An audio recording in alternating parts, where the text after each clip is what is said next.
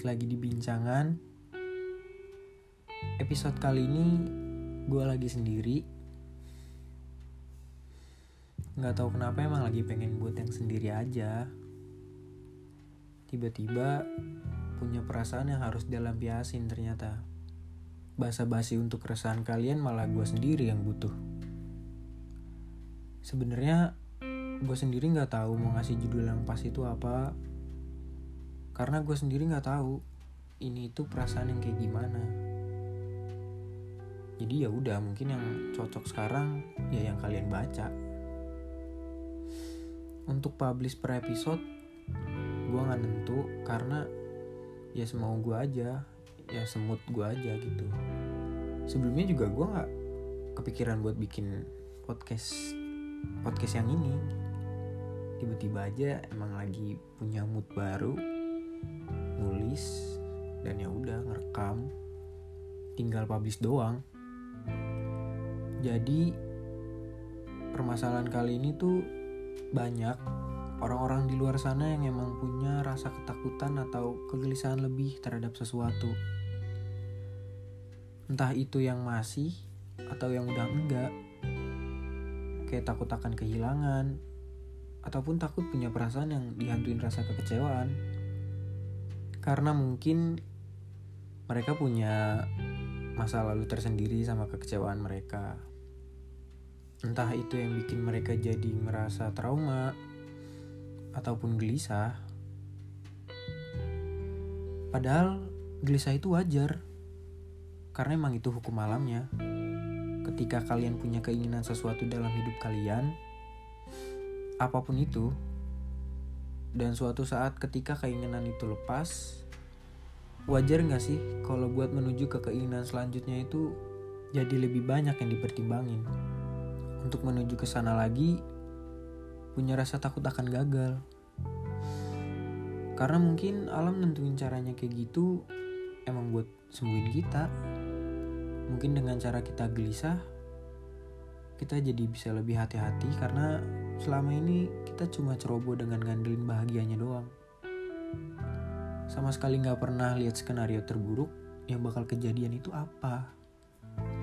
Gua tahu ini berat, karena emang gak enak punya perasaan yang emang seharusnya itu nggak ada. Tapi ya nggak apa-apa, karena setiap orang punya cerita yang berbeda. Gak setiap orang akan nyakitin. Walaupun emang semua berpotensi buat kayak gitu, tapi kita nggak bisa pukul rata semua orang akan sama.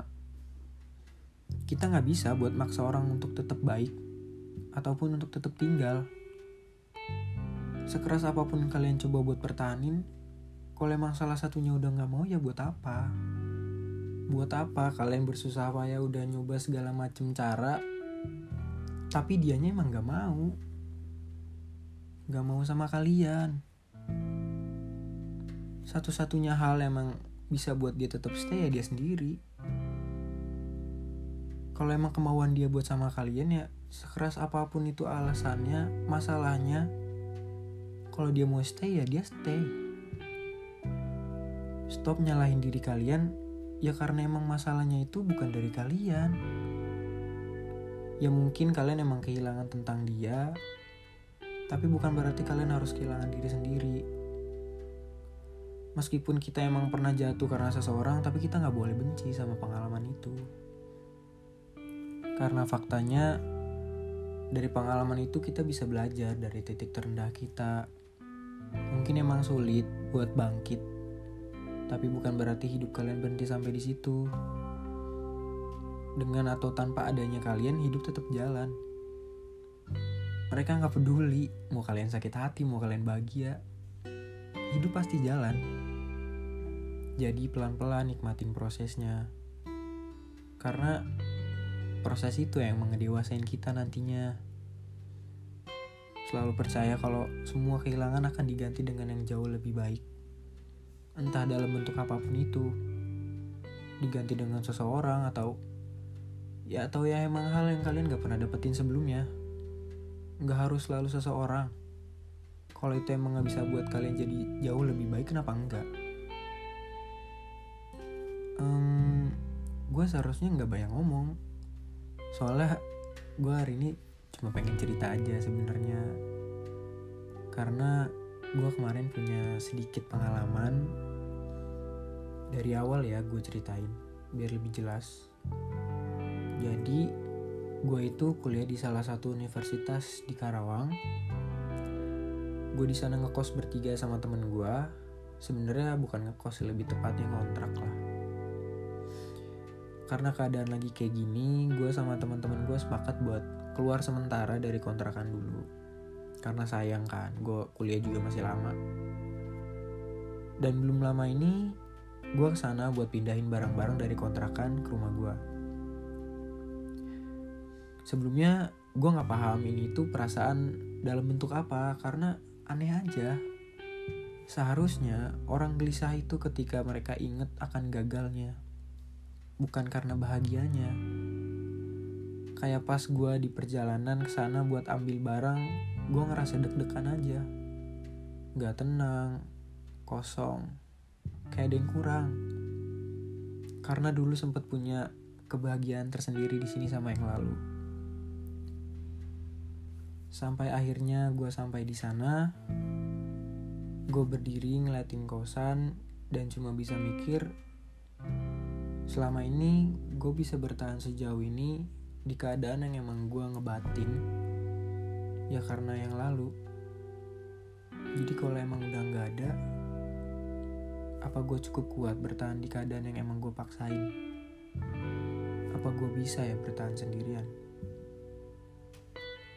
Ya walaupun di kosan gue sama temen gue Tapi kalian paham kan? Rasanya jauh dari lingkungan Dan ngerasa kesepian di sekitar itu kayak gimana? Aneh kan ya? Karena sekecil apa pun itu Sekecil apa pun bahagianya Kalau hal itu keulang di masa gue yang sekarang Gue gak tenang. Ya sesimpel itu aja kayak gue datang ke sesuatu tempat yang dulu udah pernah gue datengin langsung kayak nggak tenang aja di sana. Nggak soal berkunjung ke suatu tempat gitu nggak. Ya pokoknya intinya sekecil apa pun bahagianya itu kalau emang gue relate sama yang sekarang kayak keinget aja.